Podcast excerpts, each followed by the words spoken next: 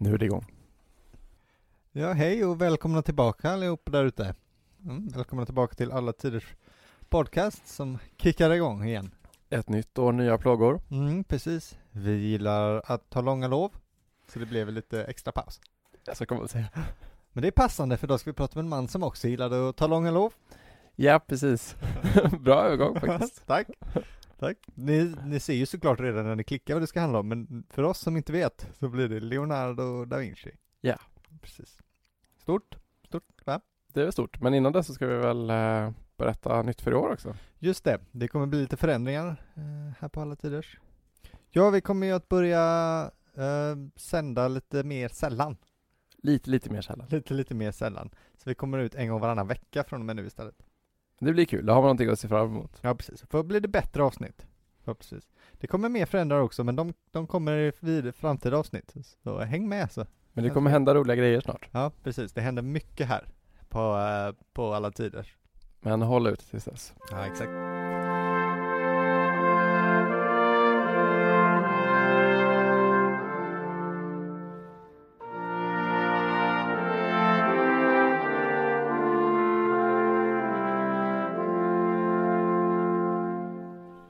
Men Leonardo da Vinci då? Det är väl lite som eh, konstens eh, motsvarighet till eh, Mozart eller Beethoven. Ja. Kan man någon konstnär så är det väl Leonardo da Vinci och typ Picasso kanske. Ja. Ja, jag skulle säga verkligen. Bra sagt. Picasso tycker jag, han ser mer ut som, en, som man tänker sig en konstnär. Om jag går tillbaka till, till när man var liten och föreställer sig en konstnär. Då tänker man ju en kille med basker och, och så bretonskjorta. Ja men precis, men, när, men innan Picasso fanns Ja, då måste det ju varit det. Fast då vet jag inte om det var Leonardo heller. Då hade man väl typ en stor brun rock och en hatt med fjäder i och Ja, eh, jo. Då såg man väl ut som Leonardo. Jo, det gjorde man. Mm. Men han, hans tavlor är nog kändare. Men han är liksom, han är lite själva sinnebilden för en konstnär och men också för den italienska renässansen. Det är han. han brukar, man, om man säger renässansman, då brukar man ju mena Leonardo nästan. Ja men verkligen liksom, alltså det är klart, det har ju för att göra med hans alltså, ikoniska verk, liksom Mona Lisa, Nattvarden, den vitruvianska mannen, eh, Madonnan i grottan, eller Virgin of the Rocks som de ibland kallas. Liksom som ju är några av de mest berömda verken i konsthistorien. Men han är ju också känd för sin mångsidighet ju, den här renässansmannen, universalgeniet. Just det.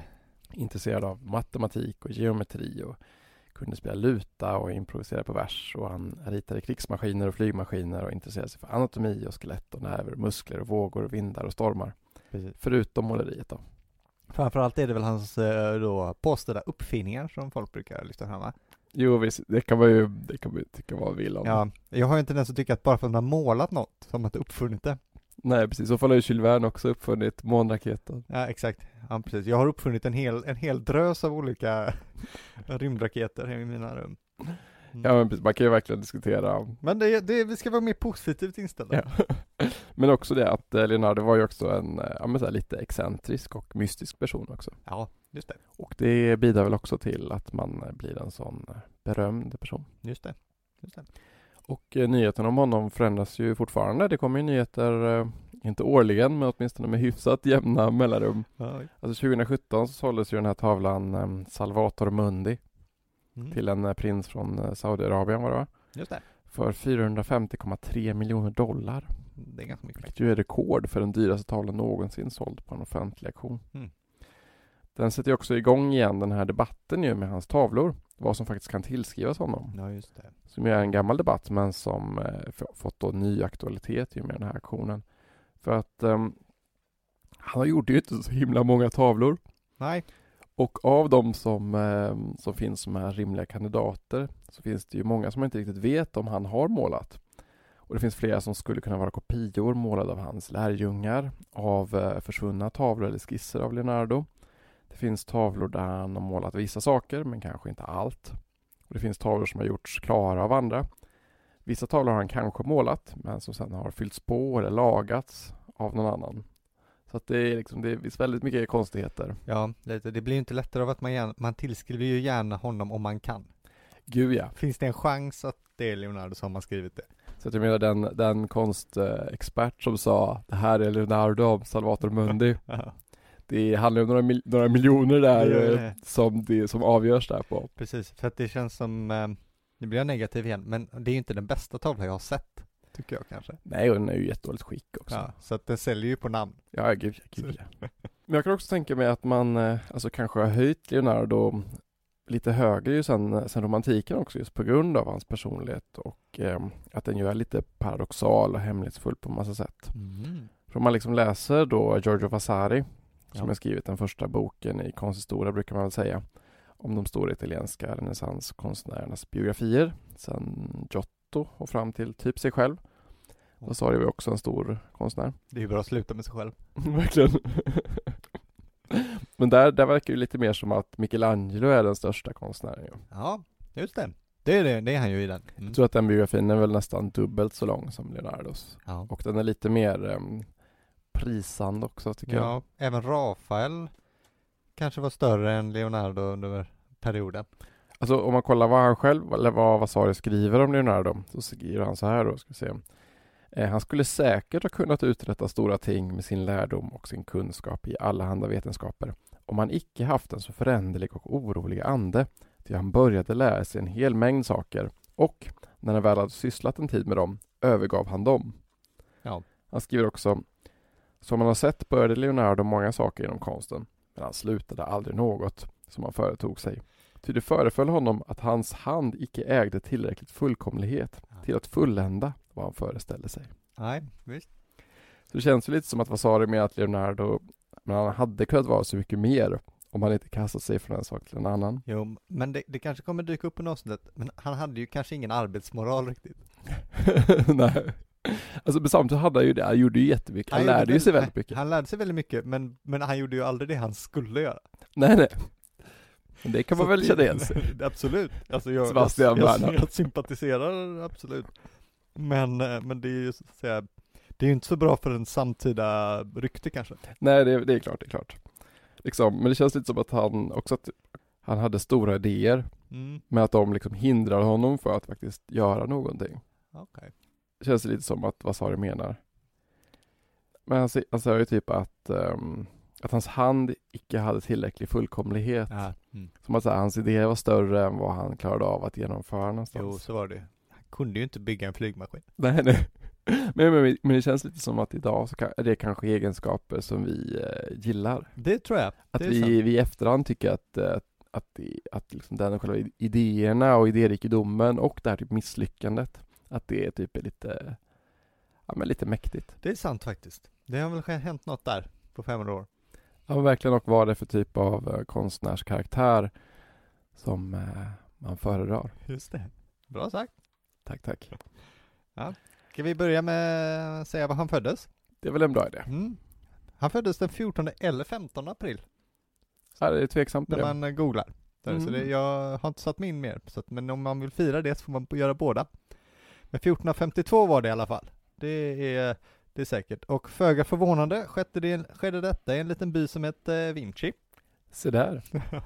Ja, det var väl en, det var väl en by utanför Vinci. Ja, var det det? Som heter Anciano. Okej, så det var mer än jag Staden är Vinci, men Fan, eh, också. byn heter Anciano. Ja, Vinci är inte så jävla stort det heller. Nej, det är verkligen inte.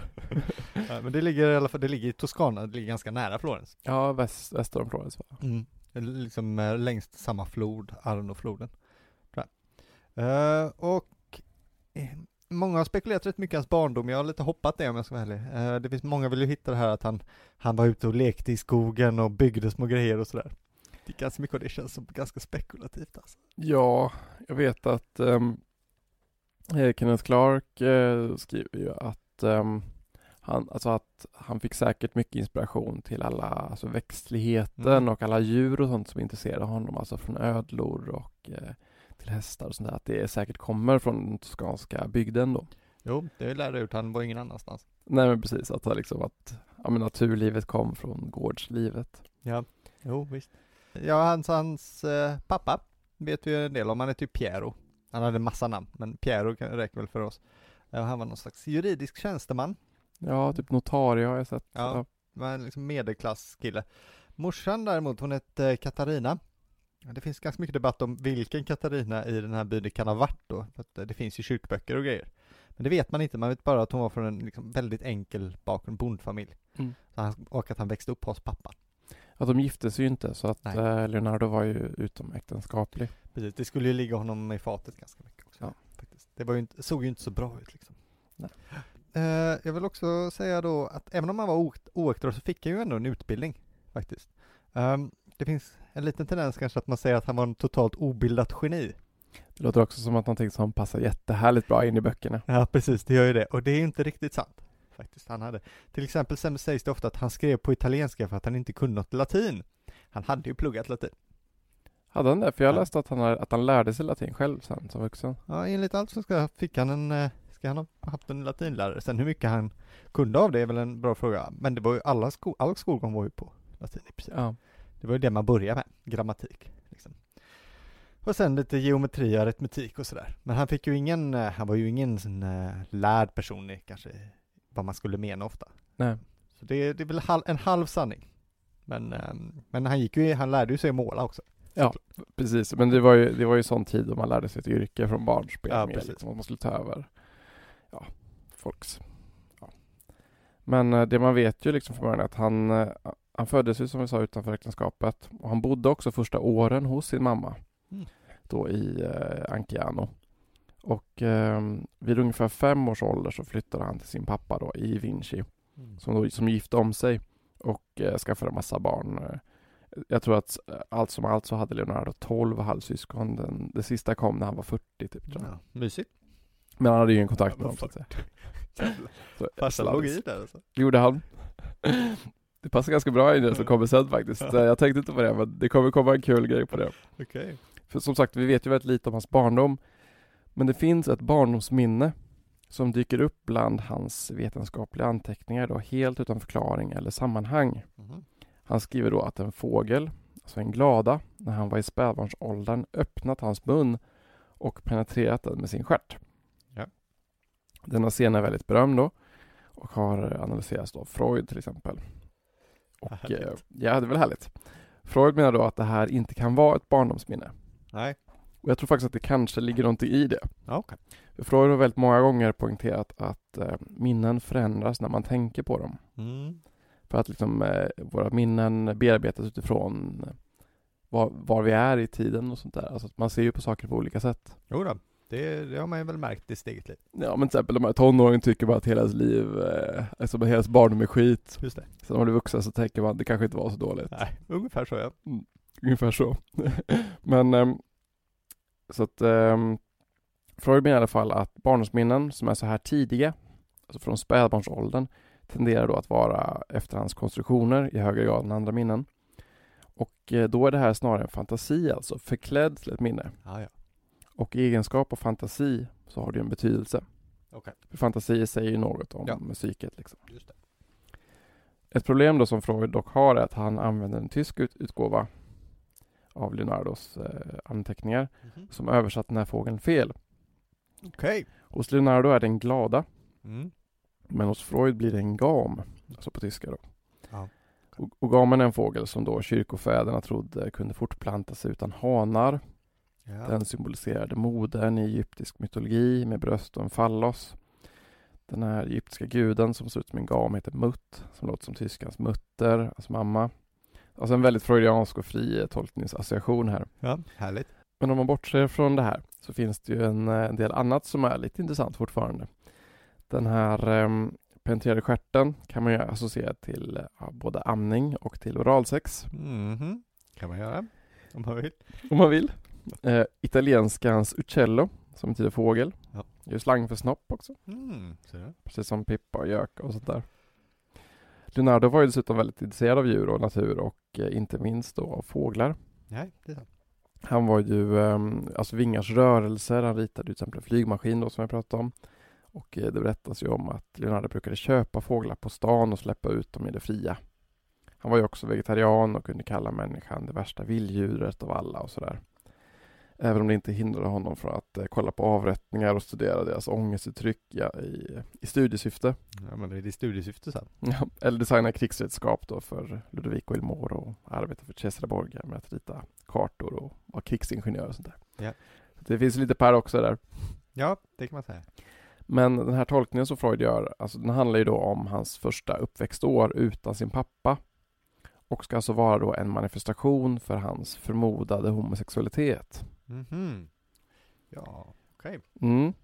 För att eh, när det inte finns någon fader, om du tänker dig Oidipuskomplexet då, Ja. då identifierar sig alltså Leonardo sig istället med modern och hennes kärlek till honom. Okej, jaha. Så att eh, kärleken blir då alltså narcissistisk eftersom den grundar sig i en ident- identifikation med kärleken till sig själv istället för att internalisera faderns kärlek till modern. Ja, Hänger du med? jag är med. Mm. Och det här är faktiskt första gången som Freud använder ordet narcissism. Jaha, det är det. Och, och några år senare kommer hans berömda text som introducerar narcissismen och som la grunden till det begrepp som är så välkänt och utspritt idag. Shit. Så det, det är också intressant från den här boken då om da Vinci. Mm. Men säger du, vi har ju faktiskt inte några uppgifter om Leonardo som en sexuell varelse överhuvudtaget. Eh, nej, inte direkt. Det finns ju inget som pekar på att han skulle haft några sexuella förbindelser förutom en del rykten då om att han bara anställde vackra unga pojkar som lärjungar. Ja. Det finns en anmälan om sodomi också. Någonstans ifrån. Det gör det. Eh, eh, han blev anmäld då i, eh, i Florens, helt enkelt, eh, hos ja, någon form av polismyndighet. Det fanns ju ingen riktig polis då, men det fanns ju domstolar. Så det var ju förbjudet, det var ju dödsstraff på det. Aj, aj. Eh, men det var ju, i och för sig var det så att det, eh, Florens tiden var ganska öppet homosexuellt också. Under, eh, Michelangelo är också bög. Ja, precis. Eh, och eh, då, det finns ju en känd person som heter Savonarola, som vi kanske kan ha något annat avsnitt om, men han gillade att, att klaga mycket på att folk levde för syndigt, va? och just den öppna homosexualiteten var en av dem. Det var en bisak. Men som sagt, det här fallet mot Leonardo kastades ut ju, för det fanns inga bevis. Det var antagligen någon som bara försökte sätta dit honom, som inte tyckte om honom. Ja, men man vet ju liksom inte så mycket mer än det. Men och, eh, och det gör ju faktiskt att Freud då lägger fram en annan väldigt intressant då, alltså typisk freudiansk teori. Oavsett hur mycket det stämmer in på Leonardo eller inte. Och det är faktiskt begreppet sublimering Mm, just det. som Ja. innebär att vetgirighet har med sexuell nyfikenhet att göra. Aha, ja. För vi vet ju att Leonardo hade ett extremt kunskapsbegär och var intresserad av nästan allt. Och Freud menar då att barns frågvishet tenderar att uppkomma när det föds ett syskon eller när det hintas om att det ska komma ett syskon som det vill säga hotar den egoistiska världsbilden. Barnet börjar då fråga och fråga saker. Det här är också en frågvishet som ju tenderar att upphöra när man blir äldre. Mm. Okej, men det finns då en fråga som barnet inte riktigt kan ställa. Och det har med hur barn kommer till. Ja, Först tror barnet kanske med tanke på magen då, på mamman, Japp. att det kommer från att man äter, att barnet kommer och att barnet kommer ur anus, det vill säga. ja, just det. För att man tar ju det man har till hand så att säga. Ja, visst. Men sen har ju pappa någon roll i det här. Ja, det, det kanske man har listat ut. Men hur mycket liksom barnet än får reda på hur det går till så kan det inte förstå alltså hur det går till eftersom att barnet inte är moget nog för det. Nej. Och därför tenderar barnet att överge frågan. Eller snarare tränga bort den. Mm. Okej. Och detta misslyckande då kan eh, ge upphov till någon form av depression hos barnet. Och enligt Freud finns det efter det tre utgångar. Okej. Det ena är att vetgirigheten då, barnets frågvishet, hämmas av den här bortträngningen och att även sexualiteten gör det. Ja, okej. Och det ger upphov till en neurotiker, alltså en vanlig person. Mhm. Ja, okej. De flesta människor är ju neurotiker, alltså hämmade i sin sexualitet och Ja. i sin frågvishet och sånt där. Mm. Så det här är normala människor. Ja. Så att man ska inte ta, man ska inte ta det som en förolämpning att säga att alla är neurotiker, Nej. för vi är alla hämmade och nervösa och sådär och eh, det är helt rimligt.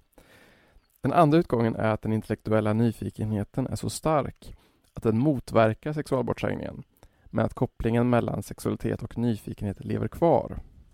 Alltså det undertryckta sexuella forskandet då eh, återkommer i det undermedvetna i form av ett tvångsmässigt grubblande Mm, okej.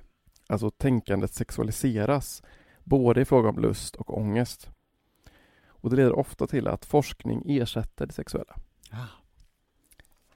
Men så finns det ett tredje. Ett tredje sällsynt och fulländat fall som Freud menar skulle känneteckna Leonardo. Okej. Och det innebär att libidon då undgår bortträngning genom att redan från början sublimeras som vetgirighet. Alltså den här sexuella forskningen eller sexuella nyfikenheten den sublimeras till vetgirighet redan från början. och forskningen ersätter sexualiteten. Men eftersom det handlar om sublimering och inte bortträngning så sker det inte på ett neurotiskt vis Nej, utan på ett, liksom, på ett helt ett mer neu- neutralt, alltså självklart sätt. ja, gött.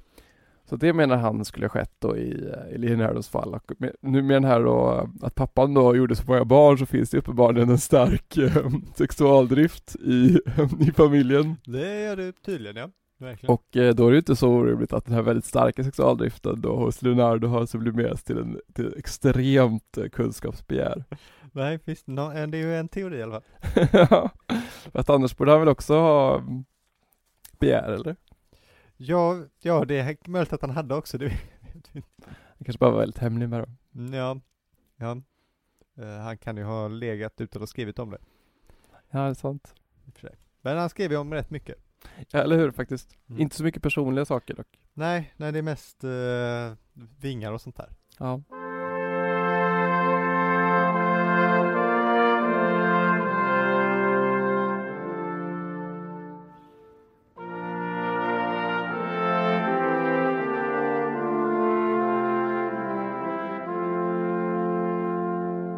Men det var, det var Freuds eh, Ja. Leonardo-läsning. ja, det var ingående, verkligen. Tycker att det belyser honom. Ja, jag tycker att det belyser Freud i alla fall rätt mycket. Det är väldigt, alltid så roligt med honom. Han, man, man får alltid så väldigt tydlig inblick i hans fantasi på något sätt. Med, varje gång man hör något han har sagt. Ja men verkligen. Men det blir lite så med sådana här biografier att eh, de avslöjar mer av den som har skrivit dem kanske. Men intressanta teorier i alla fall. Ja, det var väldigt spännande faktiskt. Om man är en sån som sublimerar mycket. Ja. Börjar avslöja mycket om dig själv kommer inte. Nu går vi vidare tror jag. Ja, vi ska komma, tänkte jag skulle komma till eh, att han började, hur han började måla. Mm. Ja, hur, exakt hur han började måla vet vi inte, men att han kom in i en målarstudio. För det var ju inte självklart, annars ärvde man ju ofta yrken. Men hans pappa var ju notarie, som vi sa. Det var så att eh, pappa märk, verkar ha märkt att han var väldigt bra på att måla, pojken. Så något, något så här kunde han i alla fall. Så att han tog med sig skisser till en berömd konstnär som heter Andrea del Verrocchio, hette han. Eh, som fick se dem och direkt tog in honom, Leonardo som lärling. Så lite genistämpel kanske det var ändå. Ja han ska ju ha varit väldigt duktig redan från början. Ja, precis. Det är inte alla som bara blir inplockade, för Verrocchio var ju en, var ju en känd konstnär. Han hade ju varit eh, elev till Donatello. Ja, precis. Exakt. Eh, och eh, han har ju målat massa tavlor som fortfarande hänger på stora gallerier. Framförallt verkar han ha varit känd för sina här ryttarstatyer i brons. Ja. Ja, eh, Kenneth Clark är ju en berömd konstvetare, eh, om man ska säga, Ja. som eh, vi tycker om på alla tiders podcast. Och eh, han säger framförallt att det är Verrocchios ornament och skulpturer, Mm. alltså framförallt då hans rankor, växter och hans hår som inspirerat Leonardo, även om Leonardos intresse för dessa företeelser säkert var äldre än så. ja, det är. För Verrocchios målningar var ju inte riktigt lika bra. Nej, det finns, Di Vasari har ju en ganska känd passage där ju.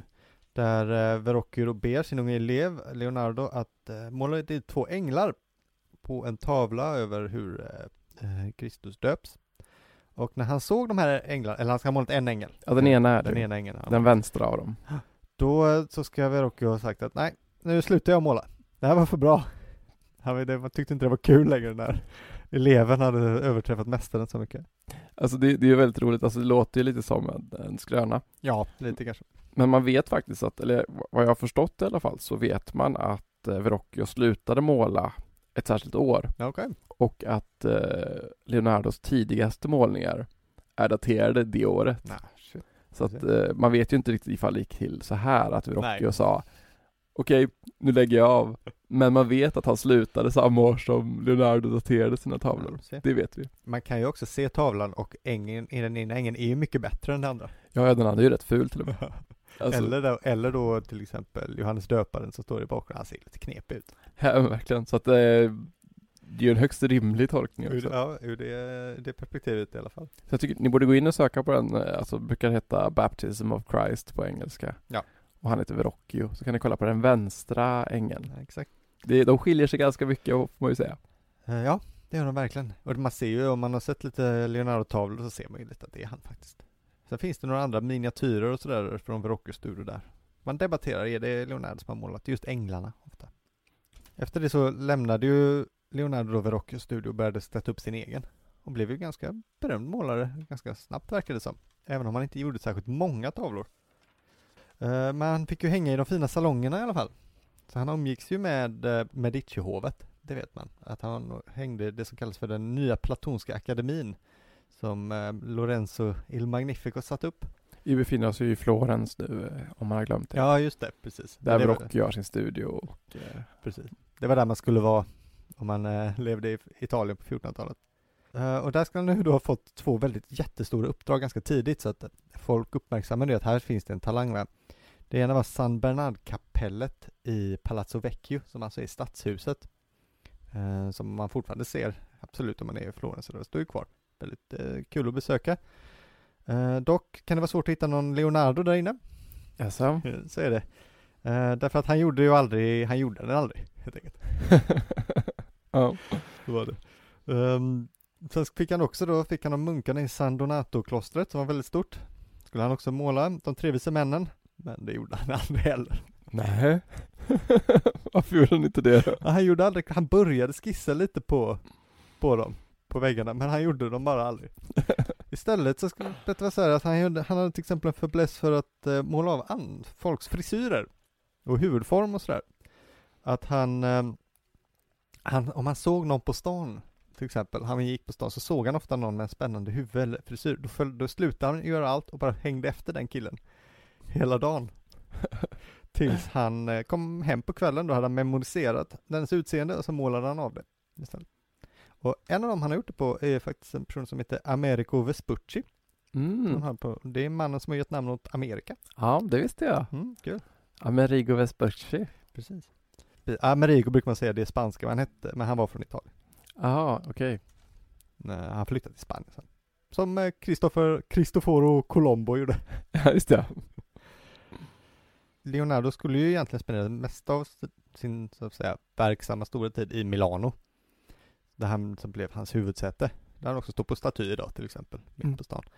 Eh, Och varför han gjorde det, det finns det ju många teorier om. Varför han skulle ha dratt till Milano. Därför att eh, de flesta eh, lite snaskiga dokumentärer man tittar på till exempel, de vill ju gärna ta upp det du tog upp innan med den här sodomianklagelsen. De menar att han mer eller mindre blev utkörd från stan Jaha. för att folk kallar honom bög. Eller då den här anklagelsen. Okej. Fast det stämmer ju inte. Jag trodde bara att det var att han fick ett jobberbjudande. Ja. Om man ska vara så tråkig och... Ja men så är det. Ja, Det är tråkigt här när man försöker, man måste mythbusta ibland, men de får sluta säga det för det är ju inte sant. Nej, men för det, jag har inte kollat på någon dokumentär, men jag har inte hört att det skulle vara ett så, sån stor grej va? Nej, det var det inte heller. Alltså han blev som sagt anmäld, men det verkar det är ingen samtida källa sen, utan det är något man har grävt upp i efterhand. Ja. Så att det gjorde fick ju inget avtryck som helst. Nej. Ehm, Och man flyttade väl dit där det fanns jobb och... Eh, Ja, alltså det verkar som att han eh, Han först främst skickades dit som en del av en ambassad av Lorenzo Medici. Och att han då sen då fick ett jobb där. Och han sökte också sig till Milano som behövde Det var ju ett nytt, ny familj där, Sforza-familjen. De hade Yes. nyligen kommit till makten. Och nu är det då Ludovico. Ludovico Il Moro som han kallat. Som var en, en blodig kille. Han behövde folk, han behövde konstnärer. Och, och framförallt så var han intresserad av att Leonardo hade massa häftiga vapendesigner han höll på med. Ja men eller hur? Så så enkelt var det, det var därför han stack till eh, Milano. Och det här första gången han är där så börjar han ju på ganska berömda mm, verk liksom. Det är då han börjar göra Virgin of the Rocks. Som finns i två versioner, en, en i London och en på Louvren. Och så börjar han göra berömda Nattvarden. Just det, det gjorde han. Den har du sett va? Nej, jag har inte sett den. Jag var där då om man skulle se den, men då visade det sig att man var tvungen att boka tid. Aj fan. Det hade jag inte gjort. Det var tråkigt. Det var tråkigt. Jag har inte heller sett den. Nej, okej. Men man, jag, jag vet ju hur den ser ut. du har sett bilderna. Det har jag gjort. och sen påbör, påbörjar han också det här stora ryttarmonumentet som Ludovico Sforza vill ha. Just det. Och hur går det med det? Det går sådär va. Jag som jag sa förut då, Verrocchio var ju väldigt känd för sina ryttarstatyer i brons. Och när Ludovico fick höra det här, då tänkte han ju, jag har ju en, jag älskar ju min häst. Han älskade nämligen sin häst väldigt mycket. Han ville ha en jättebrons staty av den. Eh, mycket större än vad man tenderade att göra då. Och Leonardo var inte den att tacka nej, men kanske inte heller den han, det, vissa saker tyder på att han nog visste att han aldrig skulle kunna göra färdigt den. Men han gjorde en, en imponerande modell i Mm. lera Och den eh, blev alla väldigt imponerade av. Den var stor och fin och, och allting. Och den finns det ganska många skisser på också. Och sen började han jobba på den. Han hade gjort ett huvud bland annat och något ben. Men mer än så blev det aldrig riktigt eh, faktiskt. Men det är också det liksom som vi pratade om i början att um, idéerna och um, själva att ta itu med det inte alltid gick ihop för hans idéer gick ju heller inte. Alltså det är svårt att Alltså häst är ju väldigt svår konstruktion att gjuta i brons för den ska, alltså det handlar ju om balanspunkter och sånt där. Och han hade ju faktiskt aldrig gjutit något i brons innan det här. Nej, så den var ju inte, alltså den konstruktionen han ville ha gick ju heller inte att eh, alltså praktiskt sett göra. Nej, det finns någon modern rekonstruktion man har gjort nu så det går att se en. Om man är i Milano så har de gjort en häst. Ah, Okej. Okay. Men det är, kanske går enklare med moderna gjutningstekniker att få till det. Ja men säkert. säkert. Uh, under den här tiden istället så designade han en luta i silver faktiskt. Som ju var formad som en hästskalle. Så det kanske hade något med det att göra. det är ganska tufft om inte annat. Han kanske återanvände den han redan hade gjutit här. Enligt Vasari ska den också ha varit liksom, den ska ha varit väldigt bra. Att den var extra stor, hade en mycket starkare klang än andra lutor. Jag hade velat se en, eh, någon på 1400-talet eh, rocka en, en hästluta. Precis, när Leonardo glider in. du, du, du, du, du. Precis. Ja, alltså även sista nattvarden tog ju en otroligt lång tid för honom att göra. Uh, och det finns massa klagobrev bevarade då från munkarna i klostret att han aldrig var där och gjorde något. Och när han väl dök upp så målade han någon, en gubbe och sen försvann. Ja, det finns ju flera olika, alltså antingen jobbade han hela dagen utan att äta, mm. eller så gick han dit, ritade dit en mustasch och gick därifrån. Ja, att det var väldigt oberäkneligt. Och sen är ju också hela, alltså, alltså det här med att vara innovativ är ju verkligen hans, alltså han fäller ju sig själv. Mm. För problemet med nattvarden är också att den, han vill ju inte måla det som kallas alfresco. Nej. Så som till exempel eh, Sixtinska kapellet är ju det. Mm. Det är att man, att man målar i blöt färg liksom och sen låter det torka. Tror jag. Ja. Äh, är det så det Eller är det bakgrunden som är blöt? Bakgrunden är blöt, precis. Ja, precis. Man målar, man målar på någonting vått liksom. Ja. Och så låter man det torka. Men um, Leonardo ville ju inte göra det, så han liksom blandade i massa skit i sin färg så att den inte skulle liksom, så att den inte skulle behöva måla så fort som man måste göra när man målar fresco. Ja. Så att eh, han tänkte, ja men om då lägger jag i de här grejerna så kommer eh, jag kunna ha mer tid och eh, göra det så som jag vill. Problemet är att den här färgen som han skapade hade svindålig kvalitet. Ja. Och eh, ramlar sönder. Och man tror ju liksom att nu när man ska, alltså man har ju restaurerat den några gånger. Och man tror ju liksom att eh, Alltså där första gången den restaurerades var ju typ på 1500-talet. Så den har liksom restaurerats i 500 år. Och så försöker man liksom hitta vad originalet är under alla lagningar och alla liksom, alla lager av lagningar. Ja. Det är ju därför du måste boka tid också för att få se den. För du måste gå igenom en himla massa luftslussar innan du kommer fram till tavlan. Ja, så att det var ju, varför gjorde han det så dåligt för? Kunde du inte bara måla som vanligt? Men han vill ju, han orkar ju väl inte stå där hela dagen. Om man måste måla på alfresco måste du ju liksom förbereda det, tar jättelång tid, du måste ha massa elever där. Ja, men det är väl det som är jobbet. och visst, men fin blev den ändå. Jo, men man, man måste ju skynda för att se den. Ja. Vem vet om den håller 50 år till? Nej, knappt. Sen är det också, man fotar ju den alltid, inte hela eh, tavlan oftast, för att munkarna satte in en dörr, jag vet inte när, men några hundra år senare, igenom botten av tavlan. Vad fan. Så det som inte syns nu, men de behövde gå igenom där. så att... Eh, du slår in en dörr här. Precis. Ja men sen, eh, men den här tiden i Milano, den varar ju inte för alltid. Nej, tyvärr. För att eh, Milano ligger ju i bråk med Frankrike. Ja. Och får ju spö. Precis. Egentligen är det ju inte, egentligen är det bara Frankrike behöver bara gå igenom Milano, men de passar på att, att ta allting på vägen. Och det lyckas de bra med. Ja. Men Leonardo flyr då till Venedig. Där han inte stannar jättelänge. Men, och sen till Florens igen då, hem. Och det där han börjar göra tavlan då med eh, Jungfru Maria och Jesusbarnet med Sant Anna och Johannes döparen. Mm. Och efter det så åker han ju till en stad som heter eh, Cesena. Mm -hmm. Är det så? Ja, det låter rimligt. Där han börjar jobba då för Cesare, Cesare Borgia. Ja, det är coolt. Eh, Leonard hade ju inte fått så mycket gensvar för sina eh, krigiska idéer. Han hade ju målat en himla massa vapen, som vi sa. Uh, Ludovic Ulmore tittade på dem, tyckte de såg coola ut och sa det är för dyrt. Det går inte. Eller kanske opraktiskt dessutom. Men Cesare han, han var intresserad. Har du något favoritvapen av dem? Nej, jo jag har sett några sådana här skisser när han liksom har tank, äh, tänkt sig någon sorts väldigt avancerade äh, snurrmekanismer som liksom ska vara då som en som en vagn som åker runt, ska det snurra svärd runt på sidorna och sådär. En fäktmaskin. jag gillar också, det finns en, en teckning där har gjort en jätte, jättestor armborst. Alltså en armborst som är liksom större än en kanon. Ja. Där liksom, som, som måste liksom hanteras av så här fem, sex personer. Yep. Och eh, det ser coolt ut. Det ser coolt ut. Du skickar iväg en pil då, som är en pil som är så här fem meter lång. Ja, precis. Ja, exakt. Sådana fanns under antiken faktiskt. Ja. Han, han kanske inte kom på allt själv där då. Nej, kanske inte. Ja men, eh, så de var väldigt kreativa. Och Chester Borgia, han behövde ju vapen va, för han var ju i strid med eh, alla och en var, ungefär samtidigt. I och för sig Sforza-familjen, så det var en, en twist.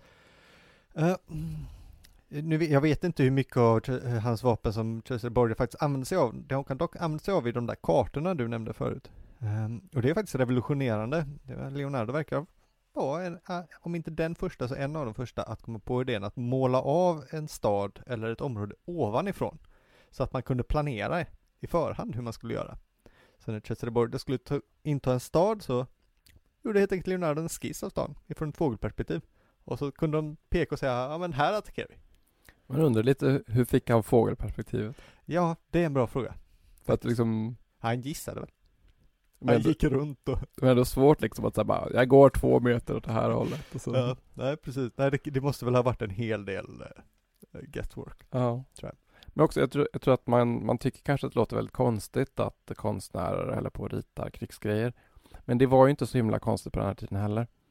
Alltså eh, både Giotto och Michelangelo har ju byggt sådana här eh, försvars... Eh, vad heter det? Vad heter det?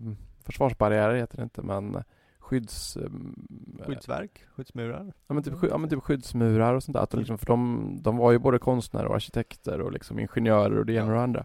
Så det är ju många som har jobbat just med att bygga mm, fördämningar och liksom vakttorn och sånt där. Att det var inte så himla tokigt. Nej, liksom. absolut inte. Uh, och dessutom var det ju mycket pengar i det ofta. Så det var väl det som lockade. Um, men, uh, men det verkar, någonting som många framhåller är ju det att han ångrade ju sig ganska snabbt, Leonardo. Han tyckte inte alls det var så kul med krig när han väl hade sett det. Um. Nu kommer han hade ju aldrig varit med om ett krig innan. Han hade ju ingen aning om vad det var som hände på ett slagfält. När han väl upptäckte det så var han inte lika nöjd. Det var väl bra det. Ja, det var ju bra det. Så bland annat, uh, han ska, det är då, han ska då ha sagt bland annat att människan är en bäst värre än djuren. Uh, och han, kanske han har flytt från Borgias läger mitt i natten. Jaha. Cesare Borgia var ju ingen person du sa upp dig till, kanske. Nej.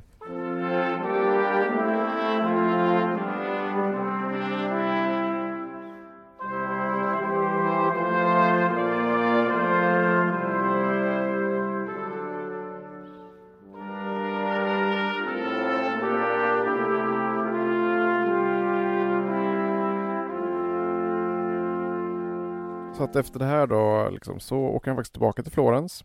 Och det är där han börjar då måla Mona Lisa. Ja. Som man ju sen ska hålla på med livet ut. Det är ju så att många av de här tavlorna tar ju många år att göra och så lägger han på en liten grej och så ändrar han en liten sak och så ändrar han en vinkel och sånt där. Ja. Att eh, han målar ju inte en tavla och sen går vidare. Nej, det här är ju då också, varför, varför kanske inte han får ett så stort namn i sin tid som han och Michelangelo. Tavlorna, tanken var att han skulle måla dem och sen ge dem till någon som klarar dem hemma. Men det gör han ju inte. Han behåller ju Mona Lisa. Ja, precis. Och vi kommer återkomma till den lite senare sen, för den har ju ett speciellt öde. Mm. Och efter det så åker han tillbaka till Milano igen, fast nu är det då en fransk guvernör där som heter eh, Charles II d'Amboise som han börjar jobba för. Som också vill ha en ryttarstaty. Ja. Men det kommer han ju få ångra också så Det att säga. kommer han absolut få göra. Men liksom som ni hör så, alltså hans liv är ju inte jättespännande heller. Han reser med alla massa Ja. olika italienska städer. Han får massa uppdrag som han inte gör. Nej. Och det är ungefär det som är hans liv, får man väl säga. Ja. Och, ehm, men däremot så är ju hans eh, konst väldigt intressant. Ja, och eh, hans, faktiskt hans vetenskapliga, eller ja, artistiska mm, verk. Ja. Hans vetenskap var ju inte helt pjåkig heller. Han var ju, Väldigt, väldigt viktig. Vi, framförallt i, vissa mm, fält som vi ska gå in på, tänker jag. Men vi kan börja med, det finns ju två traditioner kan man säga i Florens då under 1400-talet. När Leonardo gick som lärjunge där. Han räknas ju till de florentinska målarna. Mm. Och eh, det ena är det som kallas då linear grace på engelska. Och det är alltså ett väldigt idealiserat och vackert sätt att måla. Som man hittar till exempel Fra Filippo och såklart Botticelli. Mm. Väldigt eh, fagra och vackert och sådär. Och det andra är det som kallas naturalism då som man kan se hos en konstnär som eh, Masaccio till exempel som är väldigt eh, ja, men som eh, avbildar verkliga människor som eh, har en annan typ av lidande och eh, åldrande och sånt där Mm. i ansikten då framförallt. Och det speciella med Le- Leonardo är att han ju befinner sig både mellan och i båda de här riktningarna. För första kan man säga att renässansen är en tid av nyplatonism. Och det innebar ju, du nämnde ju det att han tillhörde den här skolan i Florens också, Ja, just den här akademin. Eller i alla fall rörde sig omkring den. Och eh, nyplatonism, det innebär ju att man eh, alltså inte ansåg att man skulle avbilda människor, alltså verkliga människor, utan man skulle avbilda människans idé. Just det. För Platon var ju kritisk till att avbilda verkliga objekt eftersom de i så fall bara skulle vara en kopia av en kopia av en idé. Mm. Ja, just det. Det är inte så bra då. Alltså teorin om memes. Och de konstnärer som då ville lösa det här, alltså de vill ju förena sin eh, konstnärliga praktik med teorin då, med Platon. Och vill ju inte göra det som eh, var dåligt enligt teorin. Nej, det är klart. Så då menar de att de hoppade över verkliga objekt och gick direkt på att avbilda sakernas idé. Mm. Så vilket betyder då idealism egentligen. Ja. Att eh, deras avbildning av, en, av ett bord är lika mycket ett bord som eh, ett konstruerat bord. Just det. Och då på det sättet är de, är de här avbildningarna då alltså jämvärdiga med verkligheten. Mm. Det, är, det, var ju här, det är härligt för en konstnär. Precis. Och eh, det innebär att man då söker alltså en ideal skönhet då, alltså snarare än verklig. Alltså att man plockar samman ens favoritdrag i människors ansikten för att skapa ett perfekt ansikte, en perfekt skönhet. Mm. Allmän istället för individuell. Och det här finner man ju till exempel hos Michelangelo eller hos Botticelli. Just det. Och även Leonardo har ju en väldigt, eh, men en ganska tydlig smak när det kommer till skönhet. Ja, ja, det är, alltså många, det, som du säger, det är väldigt rätt många av de här konstnärerna, om man tar Botticelli, alla hans kvinnor ser ju i princip likadana ut. Precis. Så kan man ju tänka, del, delvis menar vissa att det har med modell att göra, men det är ju inte riktigt sant. Är, Nej, det är i så fall bara en utgångspunkt Ja, egentligen. Och samma är det ju lite av- med Leonardo, i alla fall hans änglar har ju alla samma ansikte. Men verkligen. Och, eh, och man tänker framförallt på leendena Mm. som ju finns hos eh, egentligen alla. Alltså man, man känner ju igen ett eh, ansikte av honom. Och det finns liksom nästan en, ja men nästan lite liknande Botticellisk eh, liksom finhet över hans porträtt. Det är ju väldigt, väldigt behagliga, Det är det, vackra ansikten får man Jo, säga. Liksom. det. Sen finns det liksom, men det finns också folk som säger att det kanske inte är så idealistiskt som man tror alltid. Alltså det är det här med relationen mellan modell och ideal är svårt ibland. Mm. Så Vasari prisar ju i alla fall till exempel Mona Lisa för hur vitt konsten kan efterlikna naturen. Alltså det vill säga att den är så lik henne på riktigt. Okej.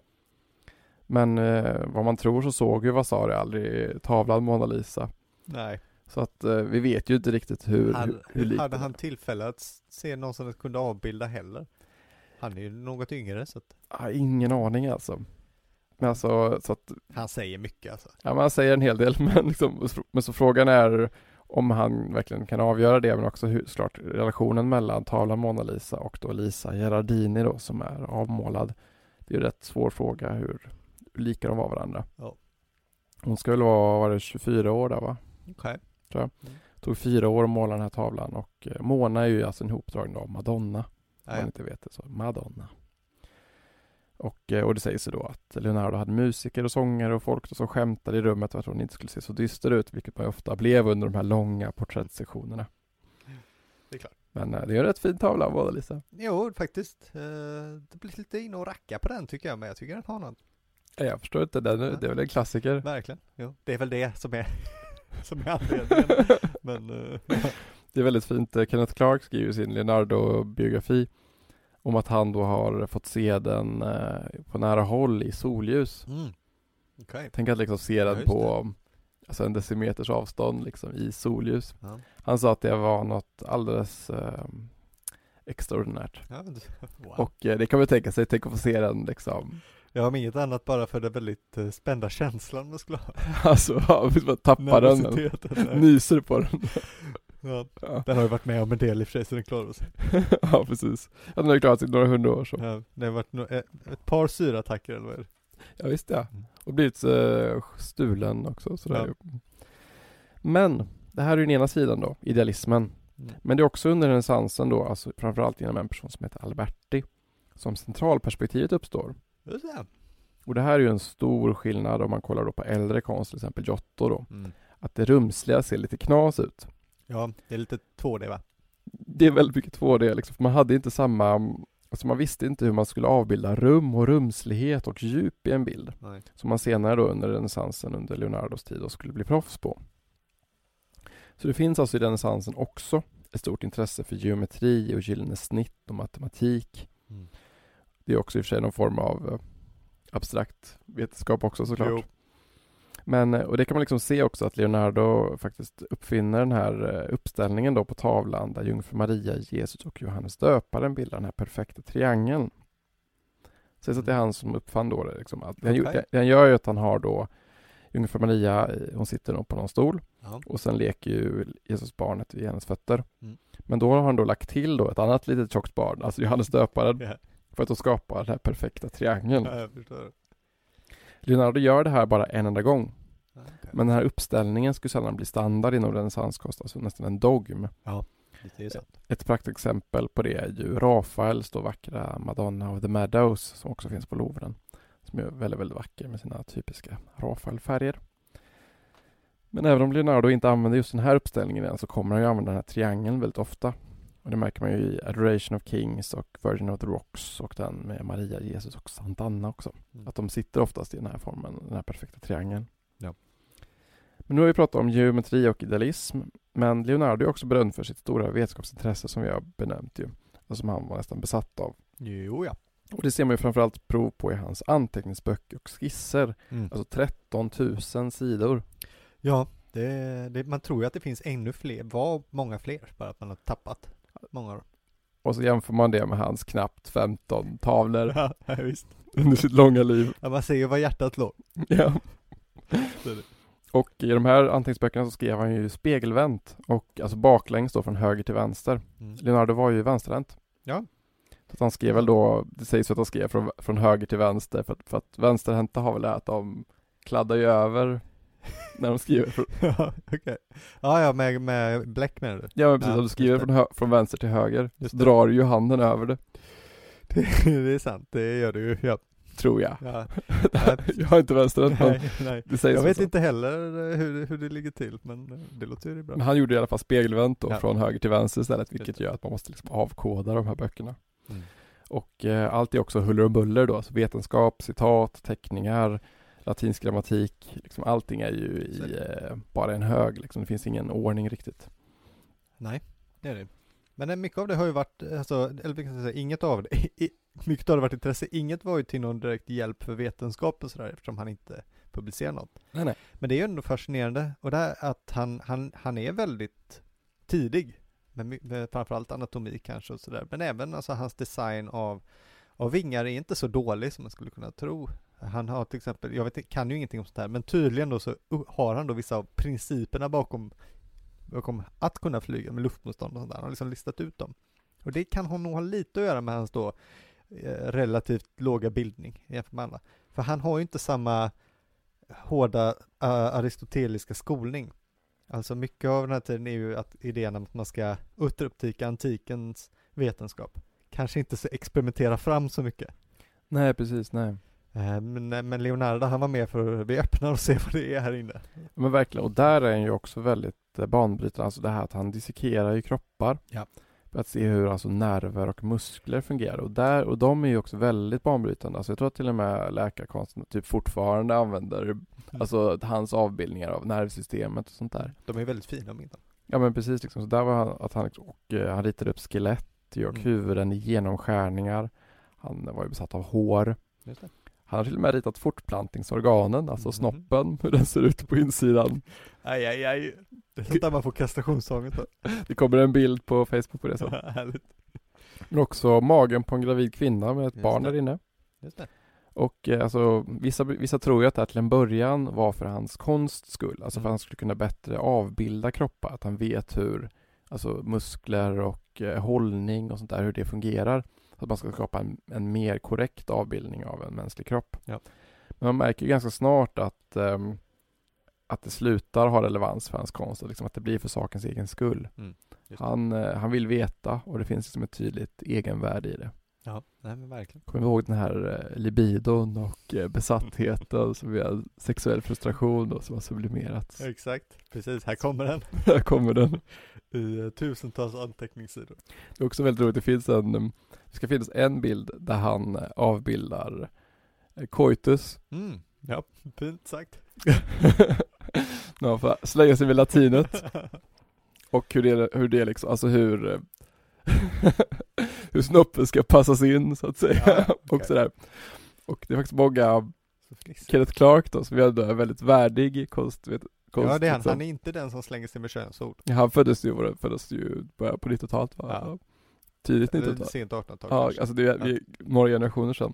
Han säger till och med att, ehm, att den här skildringen då av samlag Mm. är så frånkopplad. Alltså den är så, den är så utan känsla för det. Ja, Att han kan liksom, han kan ändå gå med på att det här är en person som aldrig har aldrig. haft ett intresse för att eh, ligga med någon. Nej, ja, jag förstår. För att den är så själlös den här skildringen av coitus liksom. Ja. Och det säger en jävligt stiff engelsk farbror. Ja, verkligen. Så att det är liksom, då är det inte en sexig bild. Nej, nej, jag förstår. Jag blev väldigt nyfiken nu på den känner jag. Jag vill väldigt, väldigt gärna kolla in det här. Tyvärr är det ju väldigt svårt att googla bilder på hans anteckningar så det kräver ju att någon har liksom taggat dem Ja, så är det med rätt ord Mm. och att de är utlagda så men eh, lite forskning ska då, Mm. ska vi då kunna Ska läsa. de kunna gräva upp det här med? Precis. Mm. Och eh, det här är faktiskt det är också lite intressant med tanke på den här vetenskapliga liksom, synen på kroppen. För att Leonardo hade ju en ehm, livslång konflikt med Michelangelo.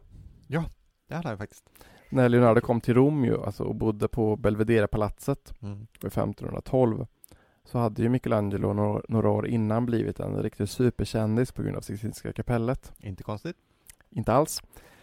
Men Leonardo kritiserade Michelangelo för att han skulle göra alldeles för vetenskapliga avbildningar av kroppar. Ja. så, tyckte han det? Han tyckte de var för tekniska. Ja, okej. Och alltså om man kollar på alltså just yttersta domen framförallt kanske. Mm. Michelangelo gillar ju kroppar i väldigt konstiga ställningar. Det, det gör han. Mm. De är liksom vridna och liksom böjda och alltså Ja. det, de är väldigt tokiga ibland. Ja, vi kan ju säga alltså Michelangelo gillar ju naket på ett sätt som inte Leonardo gör. Det är stor skillnad Ja. mellan dem. Michelangelo gillar väldigt mycket, gillar nakna män väldigt mycket. han. Och Leonardo gillar vackra damer. Ja, ja, det är sant faktiskt. I alla fall när det kommer till att måla. Precis. Men det är lite ironiskt ändå att han tyckte att Michelangelo var alldeles för teknisk. Ja, det är lite. När då, när då liksom han lägger 13 000 sidor på att kolla hur, hur eh, handleden ser ut. Ja, verkligen. Men man, man kan skönja ett visst mått av lite avundsjuka kanske i Leonardos syn på Michelangelo. Jag tror att det absolut finns jättemycket Han var ju så avundsjuka. jävla populär. Och så himla produktiv Ja. och så himla uppmärksammad. Ja, Och, precis. eh, sen finns det de som menar också att det skulle kunna ha, alltså också att det finns en, den här religiösa skillnaden då. Mhm. Alltså Michelangelo var ju en väldigt religiös man som trodde på Ja, gott det. och ont och på lidande och försoning och sånt där. Men Leonardo var ju lite mer, jag vet inte, han gillade inte vidskeplighet och sånt som inte var fakta. Nej, nej visst. Nej, det är ju en skillnad tror jag. Även om han kanske, han trodde väl på en skapare liksom, men han var liksom inte sådär Ja, han var ju, ja, men som du sa, lite odogmatisk och Mm. eh, gillade inte traderad vetenskap eller eh, tro. Nej, precis. Nej, han lägger, verkar ju, alltså i princip inga av hans eh, anteckningsböcker har väl någon form av, vad ska vi kalla, andliga utläggningar. Nej, nej, absolut inte. Nej. Eller ens filosofi direkt. Utan, Det finns lite citat från eh, vetenskapliga böcker som han Ja. har läst och sånt där. För att han, eh, ja, han läste mycket som vetenskapliga böcker och ibland skrev han av saker. Ja. folk, vissa saker som folk har trott har varit citat. Har, det- eller har varit hon, hans Ah, ja. ord, okej. har varit citat egentligen. Men, men det finns ju en stor temperamentsskillnad mellan honom och Jo. Michelangelo. Nej, men det gör det verkligen. Jag, jag har mer om det sen faktiskt. Spännande. en, en korthet bara, när han bodde på Belvedere-palatset, som jag tyckte var så, så konstigt. Det var under Povel Leo den tionde, förut, vilket jag tycker det är kul att de var vänner. Som ju också är en Medici. De också en Medici. Ja. Det var ju inte så konstigt, men han är ju en något ökänd person. Florentinarna håller samman. Men det är att påven hade ju, vi pratade i ett tidigare avsnitt om Aretino att han hade en, eh, en eh, elefant som husdjur. Ja, Men han hade även haft ödlor. Eh, som gick runt där i. Och till de här så han, fick han Leonardo att eh, konstruera vingar. Som de sen satte på med kvicksilver på något sätt. det är så himla konstigt. Ja, så jävla dålig idé. Han hade så jävla mycket konstiga idéer med djur här. Så, så att, och till den här elefanten som går runt inne i palatset kan ni lägga till ett gäng ödlor med vingar. Påklistrade. Ja, så jävla dumt alltså. Det är mycket, mycket konstigt. Och så gjorde han fjärilar till honom i vax som kunde flyga runt om man blåste på dem. Mm, Det måste ju varit ganska kul på fest. verkligen. Det är häftigt. Men det här intresset då för kroppen då, biologi och så, han hade ju även det för naturen. Alltså växter, blommor och djur. Och särskilt rörelse. Han var ju väldigt, väldigt besatt vid stormar och vågor och virvlar. Mm. Vilket ju alltså sånt som eh, Alltså som en slags föregripare nästan till Turner om man tänker på Ja, hans just stormskildringar. och Sånt där, vilket ju är rätt häftigt. Och det för oss in på en annan sak som är väldigt typisk för Leonardo. Vilket är bakgrunderna på hans tavlor. Mm. För om man tittar på många av hans mest berömda tavlor så är det ofta blå berg och dalar i bakgrunden. Ja. Och eh, det som är lite speciellt kanske är att det ser ofta ut som att personen är väldigt avskild från bakgrunden eller befinner sig väldigt långt från bakgrunden. Okej. Du har tänkt på det? Nej, jag ska, jag ska spana in det. Om du kollar på Mona Lisa, man Ja. tänker ju inte att hon Nej, men tänkte, hon sitter ju inte i naturen. Nej men hela bakgrunden är ju natur. Ja, jo. Det liksom blir någon slags konstig skillnad mellan liksom, det var, sig. var sitter hon någonstans ja. då? Och jag tänker typ lite att det är som att hon, att det är ett fönster bakom. ja, men det är nog det jag har tänkt. Ja. Eller någon sorts, eh, vad heter det, veranda eller något. Vet Men man ser ju liksom inte, det är ju som om man ser ramen Ja, som en slags fönsterram. Det är sant i och för sig. Men det är liksom, det är, det är ofta liksom att bakgrunden är väldigt långt ifrån Mm. och liksom Det ser ut som hon sitter högt upp. Ja men precis, som att de sitter på en övervåning. Men man ser ju liksom, vi ser ju inte fönstret och vi ser ju inte väggen utan vi ser bara bakgrunden. Mm. Och det är ju lite kul. Ja. Liksom, och det är väldigt typiskt också för honom ju, alltså också även i de tidiga tavlorna, att han på andras verk gjorde bakgrunder och sånt där. Ja. Att det är väldigt eh, typiskt för hans, Ja, att, ja, just det. för hans konst liksom. Ja, med hans eh, uppfinningsrikedom så gjorde han ju också, han var ju väldigt tidig inom mekanism. Eh, faktiskt. Eh, alltså ingenjörskap, vad vad det nu heter. Få, få saker att röra på sig. Helt enkelt. Robotar. Därför att han, eh, han skapade ju ett lejon, ett mekaniskt lejon i metall som kunde gå av sig självt. Om man vred upp det då, några steg. Det låter som en sån här tysk leksak Ja, som man så precis. här, Ja, men det ska ha varit rätt stort. Det ska ha varit då för att hälsa franska kungen välkommen till Milano under den här andra perioden. Och då tog steget några, skulle lejonet ta några steg fram, öppna munnen och så trillade ut en eh, full bukett av blommor. Den kom fram. Ja, ja. ja tänkte det. Ja, det, det känns ju så himla långt borta att de skulle ha gjort Att det fanns liksom upp, uppskru, uppskruvsbara lejon. Ja, men det är väl, ja. Mm. Med rätt kuggar tror jag. Ja, häftigt. Mm. Men det sista liksom om hans eh, måleri då som jag tänker varför det känns som att han är också ganska viktig. Det är för att det är vissa delar av hans stil som sen ska liksom plockas upp, fortsättas på, framförallt under barocken. Mm. Alltså mycket mer än vad man tänker Rafael och Botticelli och Michelangelos och väldigt idealistiska stilar. Ja, lite glätta också. Ja, de har liksom en viss typ av färg, eh, färgvärld Ja. som, som blir lite omodern sen. Ja, visst. Liksom, och mycket av det här har ju på grund av realism att göra då, som, alltså, som inte minst finns i hans skisser och teckningar. Alltså Kenneth Clark plockar upp det i hans tv-serie Civilization. Mm. Att ingen har skildrat ålderdomen så som Leonardo har gjort det. Alltså skoningslöst och där varje rynka syns, alltså kroppens förfall och tidens gång. Ja, nej, åldringar hos eh, Michelangelo ser ju inte så gamla ut. Nej. Nej. Och där är ju, och där är ju... Har väl inte ens några? Sorry? Finns det ens några gamla Botticelli? Nej, jag tror inte det. Jag tror inte det. Och det var den, den äldsta jag kom på av uh, Michelangelo, är det Moses eller? Ja, det var Moses. Han ser nästan ut som en faun. Ja. ja, han har väldigt mycket muskler också. Ja, det är mer, ja det är biff, um, biff Moses. Ja, precis. Men liksom, Leonardo gör ju de här, alltså väldigt skröpliga gamla gubbar. Ja, det är sant faktiskt. Och är väldigt, eh, jag vet, jag vet inte, men i alla fall Kenneth Clark plockar fram det som, som hans stora bidrag egentligen. Mm. Alltså det som han, förutom de här virvlarna som Kenneth Clark gillar, Ja. så är det framförallt hans, eh, helt um, ja, skoningslösa skildring av kroppens förfall. Han, han ser det också som en hyfsat gammal gubbe också så att han kanske Ja. ser vad han identifierar sig med. Så kan det vara. Men det är rätt häftigt liksom och ehm, ehm, och det är just det här intresset tänker jag för verklighet och för fulhet och ålderdom som ju verkligen kommer slå ut under barocken. Och inte minst då hos Caravaggio då och de målare som följer efter honom. Han använder ju också väldigt oftast vanligt folk som modeller som man hittat på Piazza Navona. Mm. Och eh, var ju inte rädd för att skildra ja, ganska hårda ansiktsuttryck och sånt där. Nej, precis. Caravaggio då va? Ja, precis, Ja. Caravaggio, precis. Ehm, och det andra är ju då hur, hur då, på tal om färg då, hur Leonardo använder ljus då. Mm. Framförallt på hans sena tavlor. De blir mörkare och mörkare. Och om man kollar på hans sista tavla, som ju är eh, Saint John, eller Johannes döparen då, som också finns på Louvren, så är den eh, jättemörk. Ja, det är nästan chockerande när man tänker på när den är ifrån. Ja, Att det bara är mörker i bakgrunden. Ja, den är otroligt mörk.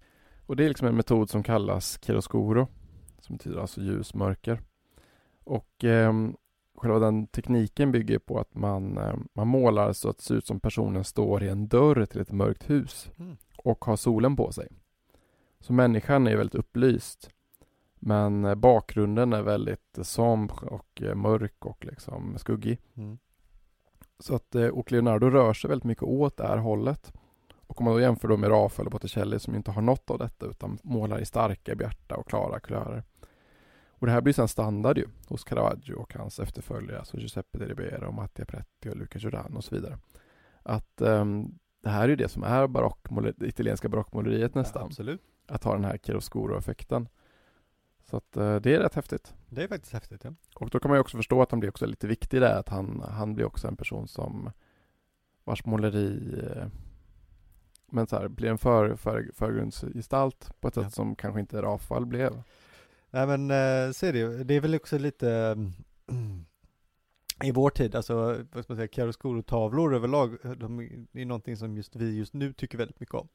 Ja, det är sant. Jag vet inte om rokokon kanske inte tyckte lika mycket om det. Nej, alltså Caravaggio är, gan- det är ju ganska sent han eh, blev så stor som han är nu. Mm, ja precis. Och det måste väl vara, det är väl början på 90-talet va? Ja, något sånt där. Som han fick sin stora revival och eh, Nästan nog återupptäcktes som en Ja. sportklubb. Och eh, då, då är det lättare också att förstå ju varför det är så mycket Caravaggio som hänger in situ, som Mm, man säger, alltså på plats i de här kyrkorna. Att de inte har plockats därifrån eller Ja, lagts i, på museer eller stulits av kungar och sånt där. Att de faktiskt fortfarande finns i kyrkor och det är väl för att eh, folk inte såg på honom som jag gör idag. Nej. För idag är han nästan en av de mest kända, mest absolut. uppskattade liksom. Folk skriver böcker om honom och Ja. han är också en galen gubbe i och för sig så att det är eh, är som svilar i vår tid kanske. Kanske. Mördare till och med. Ja, en fräsig, fräsig snubbe va? Ja, Riktigt coolis. tycker jättemycket om Caravaggio. Ja, det med. Det, det vet du.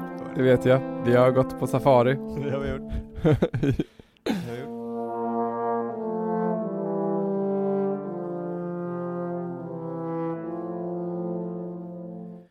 ja, men hur hamnar då egentligen Mona Lisa och de andra berömda tavlorna i Frankrike och på Louvren? Sju är det som är på Louvren. Sju stycken. Sju av hans tavlor är där. Oj, Så det är en ganska stor del av dem. det är väldigt många. Och jag tror vi nämner ju Mona Lisa en del i vårt Louvren-avsnitt kanske. Ja, antagligen. För det räknas ju ibland som Louvrens liksom första stora verk. Och eh, när Vasari skriver sin biografi så ligger Mona Lisa på slottet Fontainebleau utanför Ja, Paris. Vi pratar ju om det också i vårt avsnitt där. Mm. Men att de hamnar där, det är för att den franska kungen Frans den första, eller François Ier, 1515 tar över Milano igen. Och året efter anställer Leonardo, som då tar med sig de här tavlorna i sin väska till Frankrike. Och eh, saken med Frans den första var att han var väldigt intresserad av italiensk renässans. Mm. Så han ville väl liksom eh, äga den coolaste Ja, han renässansmålaren. kanske hoppas att han skulle få igång något hemma i Frankrike också. Det fick han inte. Nej, det gjorde han inte. Som, som vi sa så är ju den här Johannes döparen-tavlan är ju den sista han målar. Jo.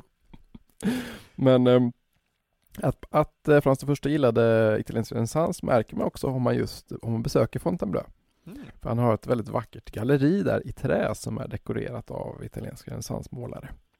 Ser lite ut som eh, spegelsalen i Versailles då fast i trä och eh, typ 200 år äldre.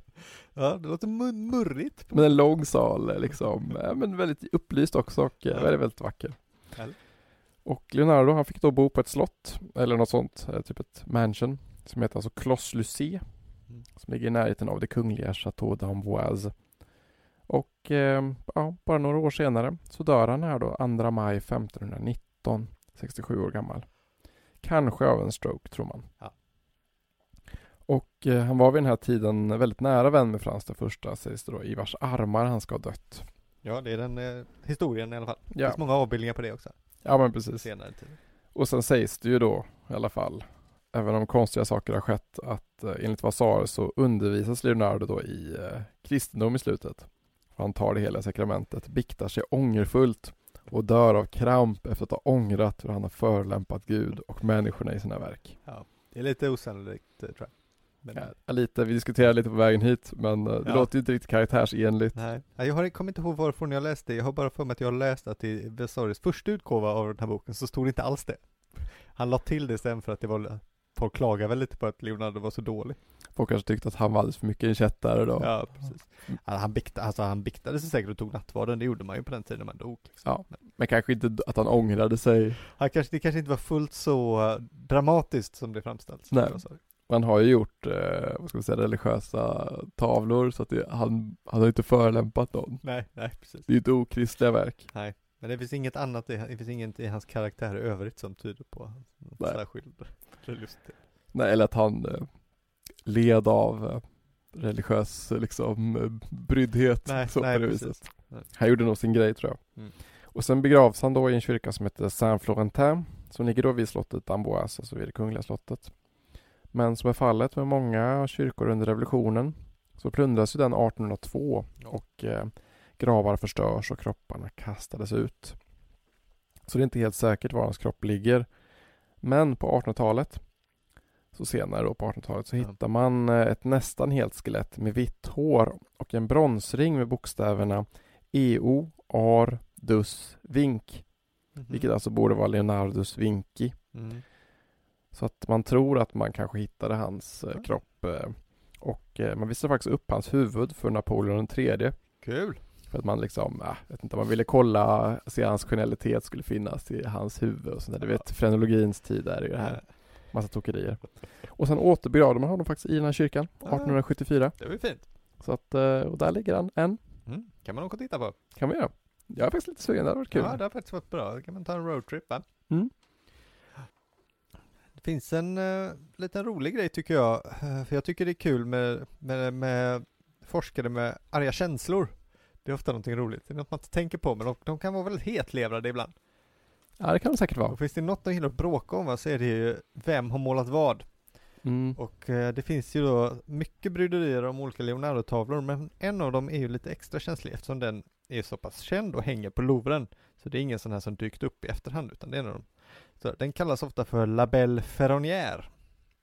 Du, du skulle säkert känna igen den på en bild, det är en kvinna mot en väldigt mörk bakgrund. Så den är också så där lite chiaroscuro.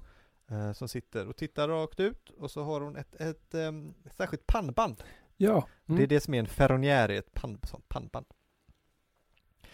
Problem finns det med den här då menar kritikerna. Var är händerna? Man ser inte hennes händer. Vad gör de med händerna? Händerna på täcket? Det är inga händer med på bilden. ja, det tydligen då så ska Leonardo ha älskat händer. Han ska måla händer. Han har alltid med en hand, även i tavlor, och här tycker de är roliga, där de inte passar in. Så kommer det med en hand. Eh, och här finns det inga händer på tavlan. mm. Ehm, det, det, och då har ju folk försökt bemöta den här kritiken, oftast då det blir roligt för att eh, de försöker ju då rädda ansiktet på Louvren och den här tavlan med alla, alla medel. Jag tycker det kanske räcker med att säga, här kanske sket det händerna den här gången, men Mm. tydligen räcker inte det, så det finns massa olika detaljer då om att eh,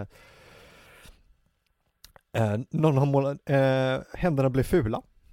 De blir fel, så, så i ilska då ska Leonardo ha strykit över dem. Eh, eller att en elev ska ha målat henne och de blev dåliga. Och hellre än att visa på dåliga händer så målar man också över dem. Eller min favorit då är ju att det sitter en bård över där längst ner. Så tavlan slutar liksom med en bård, alltså en, en tom del som eh, Jag gör det. Det är liksom ett, en färggrej där nere. Ja, precis. Den är Aha. inte så tjock, tycker jag kanske då, så att ett par händer skulle få plats där under. Men det, det får väl en, en expert utsäga. Men då är tanken, då menar man att det är så här att först var det händer, men han som beställde eh, tavlan, eh, vilket jag tror ska vara Ludovico Il Moro till sin älskarinna, han ville kunna skriva små kärleksbrev på. Så då lät han måla över händerna, så att han skulle ha plats att skriva ett kärleksmeddelande. Det här finns ju inget belägg för överhuvudtaget. Så det är ju bara någon forskares Ett klassiskt därom tvistade läre.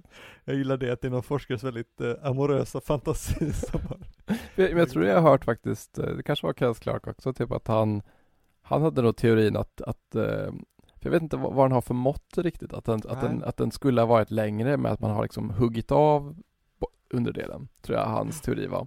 Och att det fanns någon, eh, man kunde säga, säga vad tavlan borde haft för mått egentligen. Typ att den är alldeles för eh, kvadratisk eller något sånt där Ja. skit. Det är möjligt. Men eh, det är ganska svårt för den är ju väldigt bra så att ett av de stora grejerna, vem skulle ha målat den annars? Det måste vara, det är ju ingen halvkänd konstnär som har gjort det. Nej, men också väldigt typiskt då att, eh, men han gillar ju händer. Det här är en tavla utan händer. Ja. Han kanske bara kände, han kanske, jag Det vet kanske inte. bara- Han kanske bara tyckte hon kanske hade fula händer. kan Hon kanske saknade ett finger. Och han sa, jag tänker inte måla, du har ju typ inga, du har ju inga pekfingrar. Ska Nej, och han kan ju inte måla dit fals, ful, fel händer. Nej. Då ser ju alla det. Där lägger vi in ett, Där lägger vi in eh, en teori, teori. I, i leken. Ja, exakt. ja. Sen vill jag bara komma in med en sista liten grej, men väldigt viktig. Och det är ju frågan, hade Leonardo da Vinci skägg? Jag förstår ju att jag går i fällan. Ja. Men jag tänker ju på att, ja, men, vi pratade innan om att Ja. Kenneth Clark lyfte fram hans skildring av ålderdomen. Just det. Och då, då känns det ju som att, ha, att det är hans egen ålderdom han skildrar. Mm. Och det finns ju någon, någon, någon teckning som är väldigt fin, där man ser liksom, ja men en gammal gubbe vid ett bord, som ser liksom så här härdad ut av trötthet. Ja. Och då tänker man ju att det här skulle vara en skildring av, av han själv och du vet åldrandet och vad blev det av mitt liv och sånt där.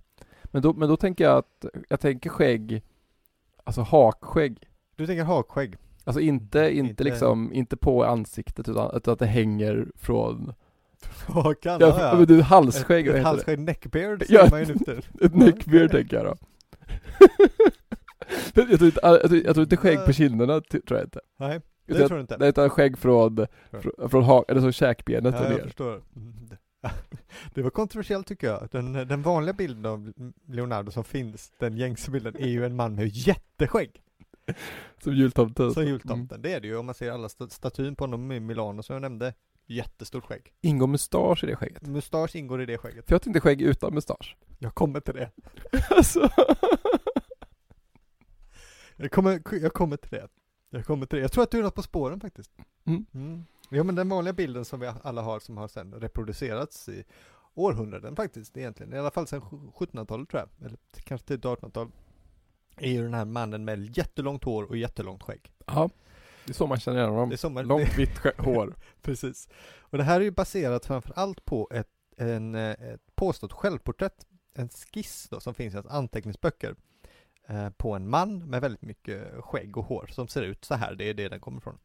Problemet med den är ju det att det inte finns något som säger att det är ett självporträtt. Det står inte att det är ett självporträtt. Och som, som jag sa innan, han hade ju en grej för att måla av folk Ja, det är sant. på stan. Framförallt folk med speciella frisyrer.